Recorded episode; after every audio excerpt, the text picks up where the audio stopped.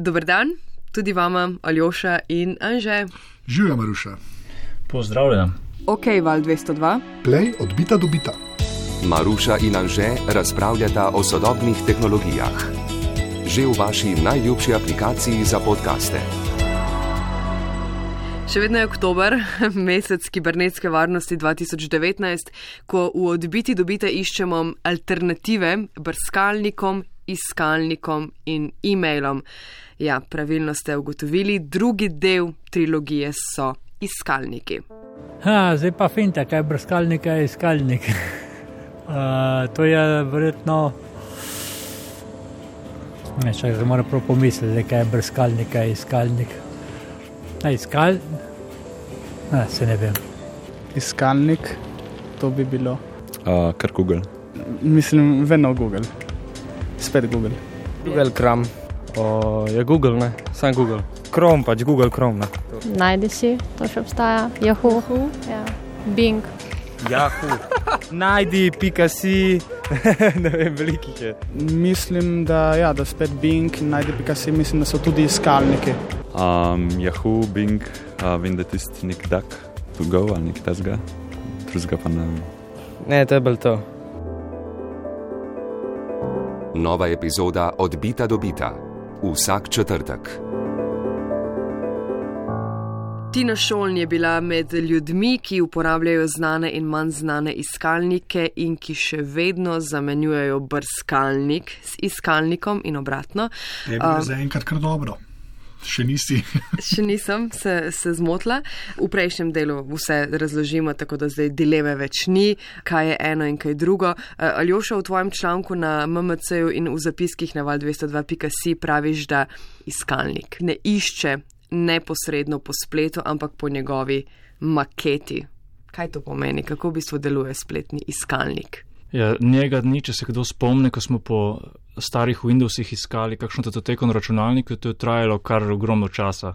Človek osevel zraven, medtem ko danes spletni iskalniki, ki iščejo po neprimerno večjem svetovnem spletu, opravijo delo neprimerno hitrejše. Razlog pa je, da ne iščejo po spletu samem, se pravi Google, ne gre do vsake spletne strani znova in vpraša, hej, a ti imaš to gor?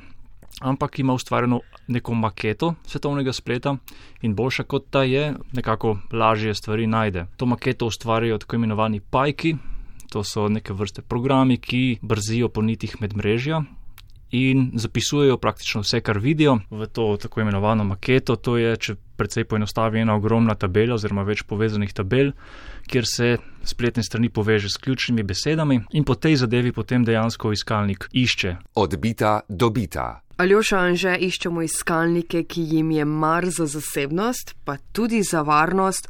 Ne vem zakaj, ker samo enkrat v življenju mi je Google iskalnik povzročil težave.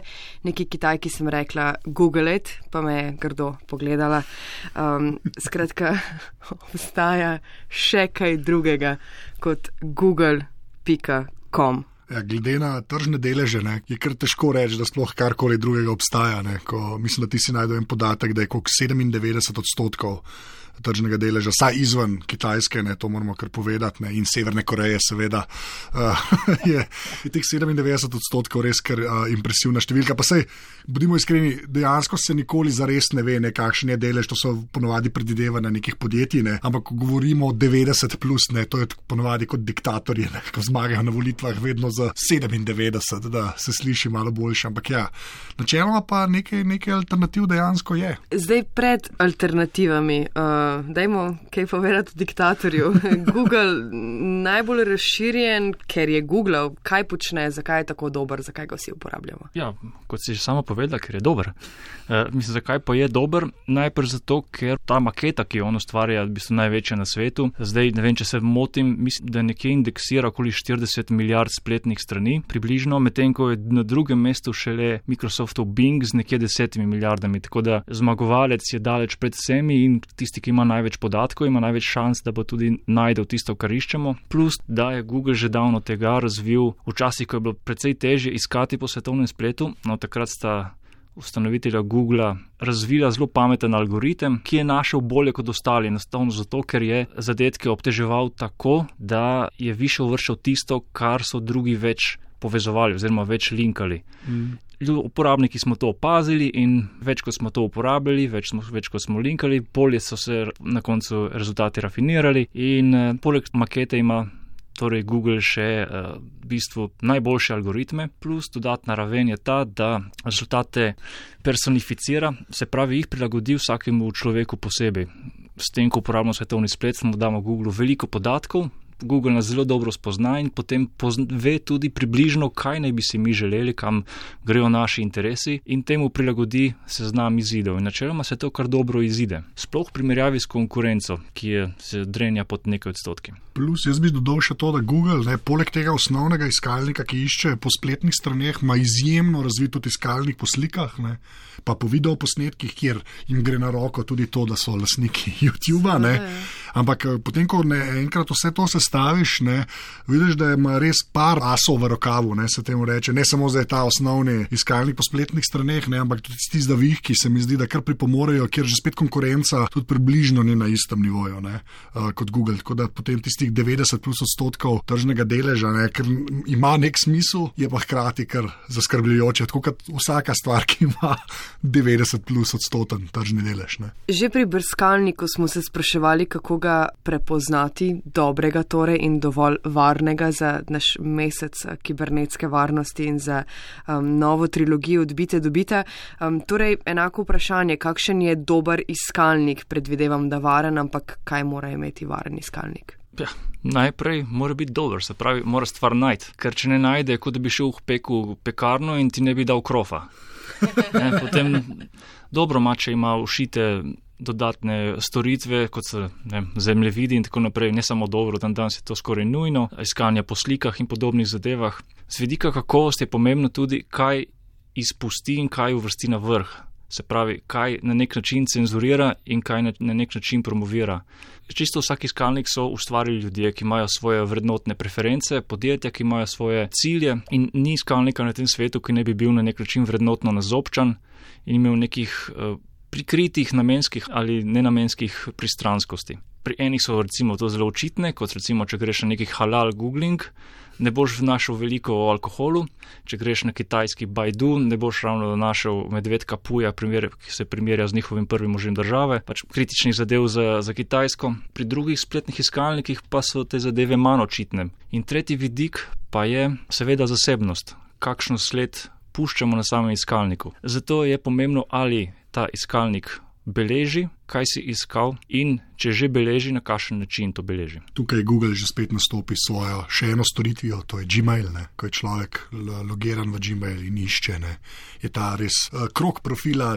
Na najlepši možen način sklenjen, ne, ko lahko dobesedno povežejo z določenim računom vso tvojo zgodovino. Ne, ne prehitro, o Gmailu naslednjič, uh, dajmo zdaj z lestvico alternativnih iskalnikov.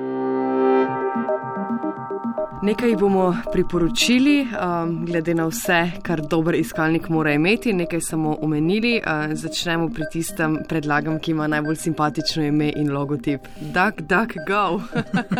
najbolj simpatično je tukaj relativna zadeva, meni zveni kot ena vrstičnica iz azijskega starega kung fu filma. Je zgovoriš, se trikrat spotakneš. Tako da ne vem, kaj so si tam menedžeri mislili, ko so, ko so izbrali to ime, ampak ok. Uh, ime na stran, DuckDuckGo je trenutno prvo ime pri alternativnih iskalnikih, ki obenem pokaže tudi, kako bi se reklo, inherentne omejitve teh zasebnostnih rešitev. Zadeva je z nami že nekje okoli deset let, ustanovil je nek američan z namenom pač narediti čim bolj zaseben iskalnik, ki vas ne bo profiliral tako, kot to počne Google. In stvar se je dokaj hitro prijela. E, na začetku so imeli po nekaj sto iskanj na dan, potem v nekaj letih je to zraslo na nekaj milijonov, danes je, mislim, da blizu 50 milijonov iskanj, tako da stvar skokovito raste. Je pa še zmeraj palček v primerjavi z Googlom, ni, ni po, po obsegu in stvar ni ravno primerljiva kaj stvar počne, oziroma pomembno je, kaj ne počne. Ne ustvarja liste tega, kaj smo iskali. Tako da go zabeleži samo iskani termin, se pravi ustvarijo neko bazo, kaj uporabniki kot skupina iščejo, ni ničesar drugega. Medtem ko pri Googlu je to vse povezano z vašim osebnim računom, IPM in tako naprej. Ne servira nam personaliziranih oglasov, v bistvu dobimo generičen oglas glede na to, kaj smo iskali, se pravi, če upišeš avto, boš dobil nek tekstovni oglas, ki ti ponovira avto. Ti oglasi so v bistvu poslovni model, ne, DuckDuckGo, to je treba povedati. Ni zdaj, da funkcionira na nekih donacijah, ne, ampak dejansko prodajajo oglase, ampak kot je Aljoša rekel, niso personalizirani, ampak so v bistvu taki, kot so bili na, pri Googlu na začetku, ne, samo vezani na neke ključne besede, kot je avto. In je kar ključno vprašanje, kako točno se to financira, ne, ker to so še vedno kar računsko zahtevne zadeve za neke strežnike. Ne, in da se vse to skupaj financirajo, v bistvu pri DuckDuckGo meni všeč ravno to, ker veš, ker imajo nek poslovni model model, ki ga oni tudi razložijo ne, in reče, da mi pač probujemo glase. Pač. To je tudi pomembno z tega vidika, ker dejansko poslovni model očitno deluje. Ljudje so se dolgo spraševali, ali dan danes lahko sploh še neko podjetje funkcionira na nepersonaliziranih oglasih, potem pa pride nek mini duck, duck, do in pokaže, da se da. Ni treba biti invaziven, če hočeš preživeti. Odbita, dobita.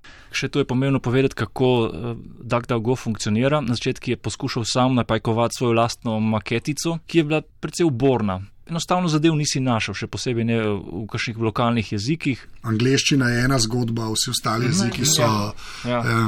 Na začetku je bila zelo uborna, potem pa so naredili eno precej pametno potezo, enostavno najeli so Microsoftovo maketo. To, kar ustvarja Bing, ki ima nekje 10 milijard strani so vzeli in skombinirali z lastno maketo, dodali pa še enih približno 400 drugih virov zraven in potem na koncu na vsej tej podlagi zdaj danes servirajo svoje izide, kar je neprimerno boljše kot leta nazaj. Še vedno pa se tu hitro pokažejo neke kot so rekel, omejitve teh zasebnostnih tehnologij, ker načeloma kao ne pozna tvoje lokacije in zato ne servira slovensko specifičnih izidov. Tako recimo po, poiščeš DZ, kar je pri nas neizogibno državni zbor, v DuckDuckGo pa dobiš neki DZ Community College iz neke zvezdne države ZDA, kar pač ni tisto, kar si iskal. Tako da z DuckDuckGojem se moraš dejansko malo potruditi. In potem, jaz bi rekel, nekje vse poprek prideš v 90 odstotkih do željenega izida, ne pa vedno.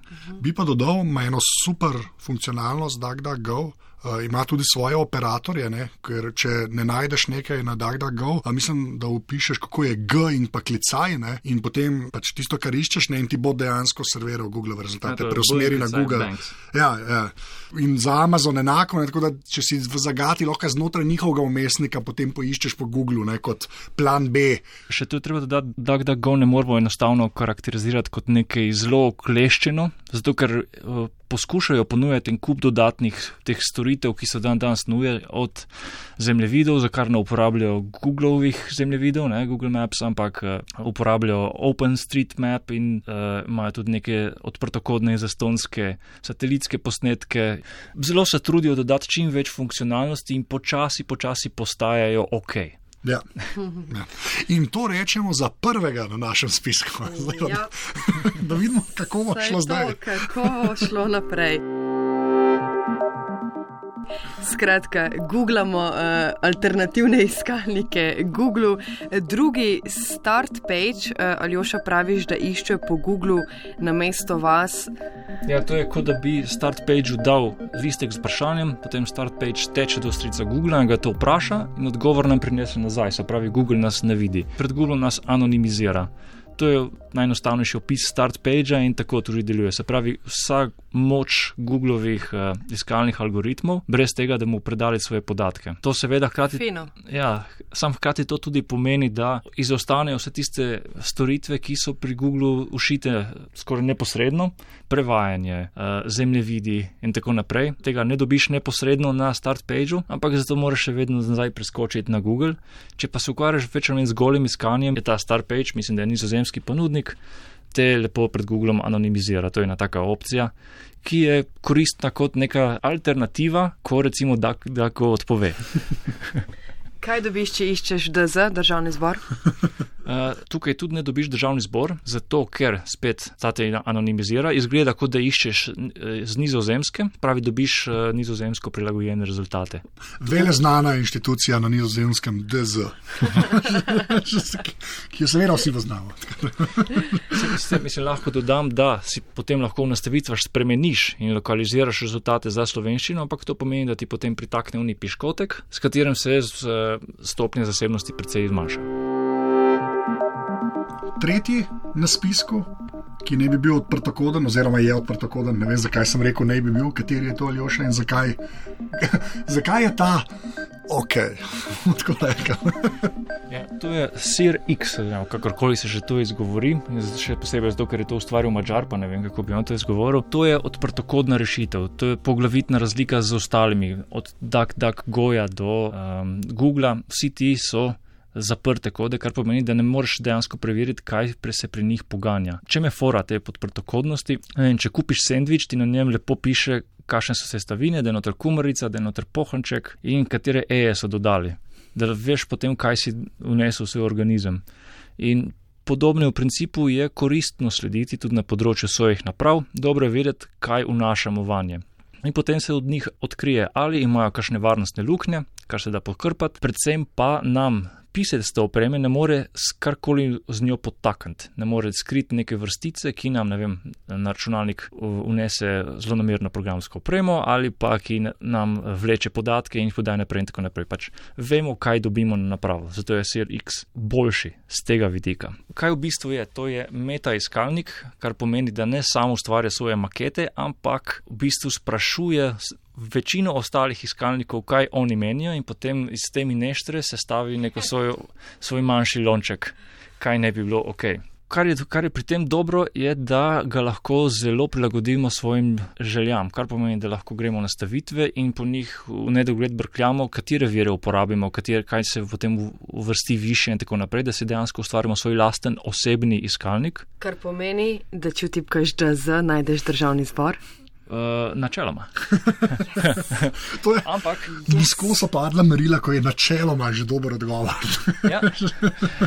Kar je pri njim še koristno, je to, da je lahko to dobesedno tvoj iskalnik, kar pomeni, da si lahko njihovo kodo pretočiš na svoj lasten računalnik, se ne poganja ne vem, na Googlovih strežnikih in kjerkoli drugje, ampak dejansko pri tebi doma in je to tvoja lastna instanca tega iskalnika, ki lahko počneš z njo karkoli hočeš. Minus tega pa je, da je CRX nestabilen v smislu, da recimo DuckDuckGo, ki uporablja Bing, za to plačuje. CRX ne plačuje nič v bistvu malo parazitiran vseh ostalih in ti se lahko kadarkoli odločijo, da mu zaprejo pipico. Bomo videli, kako bo stvar zdolgoročno zdržala.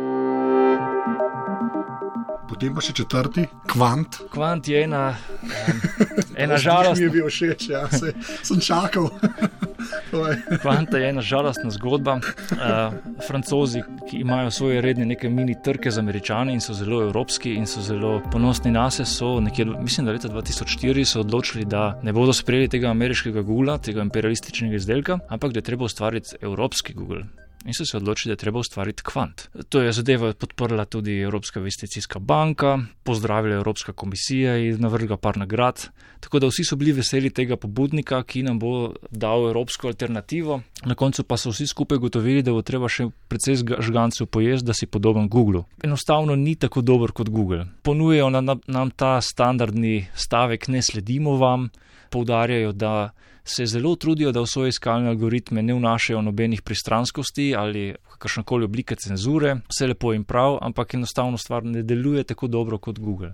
Ampak zadeva ni slaba v smislu, da kvant je precej zloščen, lep izdelek, uh, avtori se zelo trudijo in ga zelo hitro razvijajo. Tako da ima potencial. Tako da kvant bi jaz uvrstil kot uh, nekaj, kar lahko imamo v četrtinki koščka očesa, in vsako toliko malo preverimo, ali zadeva deluje, ker potencial ima. Kako se bo pa izkazalo, nam bo pokazal čas. Ja. Uh -huh. um, zdaj pač podčrtano, nič ni tako dobro kot Google, ampak imamo pa zanimive alternative, uh, če bi kdo še kaj. Ja, um, če izpostavim recimo Gibiru, To je priljubljena eh, izbira ljudi, ki domnevajo, da so ali pa mislijo, da nas tehnološki velikani poskušajo zapeljati v nečedne smeri in da nam stvari cenzurirajo. Tisti se bodo zanesli na Gibiru. Avtori obljubljajo, da so v svoje iskalne algoritme, ki naj bi bili posnetek Googlovih, unesli uh, precej večjo obtežitev za tako imenovane alternativne spletne strani, kjer dobiš alternativne poglede na realnost. In en od mojih znancev, ki dejansko spada v ta profil, je iskalnik pohvalil, da, dejan, da, da, da dejansko najde marsikaj, kar se na Googlu teže najde. Tako da, če ste v tem profilu, vam priporočam preverjanje, drugače pa Gibiru razen obljube o tem, da je zasebnostno naravnan, da, da skrbi za vas, ne ponuja dovolj nekih nujnih storitev za dan današnji čas, da bi bil, ne vem, moja dnevna izbira. In zagotovo ne najde državnega zbora, tam staviti. Ne najde alternativni državni zbor. Odbita, dobita. No, potem imamo JIPI, to je spet. Eni, ki obljubljajo, da so zasebni, njihova posebnost je v tem, da rezultate razvrstijo v grozde, in včasih so ti grozdi dejansko smiselni in pomagajo pri iskanju rezultatov. BitClave je spet ena zelo spada v neko svojo škatlico, zato ga omenjamo. To je kombinacija tehnologije blockchain, iskanja in oglaševanja. Oni obljubljajo, da z iskanjem pri njih tako ščitijo osebne podatke, kot tudi delež od nekih oglasov delijo z uporabnikom. Alternativna tehnologija. Jaz osebno je ne uporabljam, mislim, da je dobro, da se vsaj omenimo. Na koncu imamo še pa. Moj najljubši alternativni, samo zaradi koncepta, razlož koncept ker je res. Ja. Pikier, se pravi, v poglednik bi se lahko rekel. Ja, tako. V poglednik. V Pikier ustvari nekje 50 kB velik posnetek, uh, slikovni posnetek spletne strani in nam jo predstavi v slikovni obliki. Tako da po domače povedano, na mesto seznama povezav tekstovnih dobiš uh, en kup ploščic s posnetki spletnih strani. In se potem odločiš, o, če boš katero obiskal. Zakaj? Zdaj, ja, ker se dejansko, če on naredi posnetek, pa te posnetek pokaže, se kar prekine povezava med samim iskalnikom in spletno stranjo. Zdaj. To je teorija. Meni je všeč, da se vsem tem razmišlja, da obstaja tudi taka alternativa. Super, le, super, noro. No, niti treba klikniti na spletno stran, ampak ja. vidiš že tam. Ja, ja. ja. Da. seveda. Lahko pa še samo na hitro omenim imena Oskobo, Lukol in Mojik. Če že kdo želi, naj si jih preveri doma, tudi ti imajo potencial. Na spletnih vodičih se najde še en kup drugih imen, ampak si jih ne upam priporočati, zato ker sem pri skoraj vsakem najdel nekaj, ali je sumljivo, ali ima neke čudne prakse, imajo uh, nekaj, kar smrdi in se jaz s tem ne bom povezoval. Kaj pa kaj slovenskega, že v anketi so uh, naši mladi sogovorniki, pozor, mladi ljudje, ne, omenjali, naprimer, najdi pikasi. Noč, jaz sem še vedno pristaš matkurje, edinega pravega ne sploh iskalnika, ne. tisto je bil še tako kot uh, Yahoo ne, na začetku, pa alte vi ste bolj spisek spletnih strani, ne. praktično ročno narejen spisek. Ampak ja, ja jaz mislim, da mimo najdija se sicer v Sloveniji ne da, ne, ampak uh, bi pa kle, saj iz mojega zornega kota vedno potem rečem, potem ko vidiš, koliko se Google v resnici tudi ukvarja s Slovenijo, ne. prej smo govorili o teh lokaliziranih podatkih, ne, pa sploh zemljevidi, pa to ne. Res uh, je, je težko, težko, težko temu konkurirati konkurirati. No. Se po slovenskih ulicah vozijo ne Googlovi avtomobili in ne vem, slikajo ulice. Ne. Ko, ko je enkrat neko podjetje tako uloženo ne, v lokalizacijo, ne vem, kaj sploh lahko še nekdo lokalni naredi. Ne. Ja, zanimivo z tega vedika je, da pred leti sem govoril z enim strokovnjakom na tem področju slovenskim in on je rekel, da se najdi pika si pogosto v slovenskem jeziku še vedno boljše izkaže kot Google. Najdi.si se ni treba toliko ukvarjati z vsem svetovno vsebino, se specializirajo za slovenski jezik in za lokalni trg in še vedno imajo očitno neko primerjalno prednost v iskanju. Zdaj, kolikšna je, ne vem, ker najdi.si daleč premalo uporabljen, da bi lahko dal, podal neko osveščeno mnenje. Ampak ne, očitno ljudje, ljudje to še vedno uporabljajo, moče tudi zaradi neke inercije, ker nekoč so bili najdi.si zemljevidi edini pravi način za iskanje naslovov in lokacij po Sloveniji. Je pa dejstvo, da najdi.si, kljub temu, da je evropska zadeva in da nas ščiti GDPR in tako naprej, pač enostavno ne moremo uvrstiti v kategorijo zasebno naravnanih iskalnikov. Uh, Matkur je pa super primer uh, nostalgije. No? Vsi, ki smo odraščali na internetu, se spomnimo tiste lepe kure, ki je. v narodni noši. v narodni noši, ki je nažalost nekje, mislim, da sredi 2000-ih uh, crknila. Da- Danes je ta spletna stran nekako vrnila, samo na njem se, se najde uh, na svete za delo in vrt in take zadeve, tako da niti približno ni. Je pa super primer razlike med iskalnikom in spletnim imenikom. Ne, iskalnik je tisto, kjer TV pajki avtomatizirano iščejo in ustvarjajo indeks, matkurja pa je imenik, zato ker tam uredniki dejansko pregledajo spletne strani in jih unesejo ročno v bazo podatkov in povežejo s ključnimi besedami. Ja, in dokler je bilo spletnih strani sedem, je bil to super sistem, ne? potem smo pa vsi dobili domov računalnike in začeli postavljati spletne strani. Ja. Zdaj pa je dobro, da roboti tiste milijarde ne, preštejejo. Uh, fino in fajn, uh, pol ure smo težili o tem, kako pomembno je, da iščemo uh, tudi varne in zasebne alternative, torej varne in zasebne iskalnike, ne samo brskalnike iz prejšnje epizode, ampak na koncu bomo vseeno sklenili, da nič ni zares varno. No, predvsem nič ni zares zasebno, ne? tudi to je treba povedati. Je pa res, da ko imaš enkrat na eni strani tehnice Google in na drugi strani tehnice karkoli smo danes omenili, ne, eh, saj, saj o zasebnosti lahko govorimo, da je kar več pri teh alternativah. Ne. Ja, mislim, zagotovo je pa dejstvo, da nobena rešitev na spletu ni neprebojna, tudi največji padejo od Google naprej in uh, za nekoga na tem svetu ne moremo niti zagotavljati, da je dobro nameren, uh, niti dati za njega roko v ogen, da je dovolj dober. Ima pomembno vlogo zaupanje. In uh, tudi zavedanje pač nevarnosti. Že pri ljudeh se zatakne, kako se naj bi pri iskalnikih. Ne? Še na eno vprašanje iz prejšnje epizode, v tej eh, nismo odgovorili, kaj uporabljamo mi. Uh, uporabljam StartPage, DuckDuckGo in Google. Jaz bom vrstni red malo obrnil. Jaz načeloma kar Google, moram pa reči, da sem uh, pred kakšnim letom začel malo bolj resno DuckDuckGo uporabljati. In par tednov mine, napreden obupam in grem nazaj na Google. Potem se pa že spet prepričam, ne, tokrat pa za res in grem nazaj na DuckDuckGo. Tako da ja, ampak večinoma pa kar Google. No. Maruša. Ja, Google, seveda. Ja, jaz osebno priporočam ljudem, da si v brskalniku ustvarijo vrstici zaznamkov eno mapico, katero napišejo iskalniki in vanjo dajo enih 4-5 različnih iskalnikov, recimo nekaj takih, kot smo jih danes omenili, in da redno testirajo alternative. Spravi, pogledaš, kaj ti pokaže eden, pogledaš, kaj ti pokaže drugi, za, isti, recimo, za isto geslo in eksperimentiraš. Kar se tiče pa vrstnega reda, sam bi na prvo mesto dal DuckDuckGo, kar ne najde DuckDuckGo, greš na StartPage, in kar StartPage ne najde, greš na Google. Je, je za nekaj 0,5 odstotka več sitnosti kot, kot sicer, ampak mislim, da na tak način odstraniš nekaj 90 odstotkov sledi, ki jih sicer vsakodnevno puščaš na spletu skozi iskanje. Kaj uporabljate vi? Napišite nam v komentar, se zdaj že vsi veste, kje naj jo najdete. Um, Anže, kaj če kdo ne ve? Vse epizode tega podcasta so na seveda na val202.si pošiljka odbita, tam je tudi video, ki vam pokaže, kako se naročite na ta podcast. In pa hvala vsem, ki nam dajete ocene v Apple Podcasts. Saba tudi na Twitterju, ko sva skupaj, sva afna odbita, Maruša, ko si sama si. Twitter ruša, Maruša. Jaz, ko sem sam, sem Anzeto, ali još, kaj si pa ti na Twitterju? Basten MMC. In pa omenimo, nujno v zapiskih in pa seveda na rtavslo.si, ki je MMC, je članek od kolega Ljoše, ki je res super, si ga preberite. Se ja. lahko res študiozno posvetite vsem možnim alternativam, iskalnikov, brskalnikov in pa naslednjič Maruša. Maili. Aljoša Masten, znova hvala in se vidimo naslednjič. Hvala za povabilo. Se slišimo, adijo. Čau.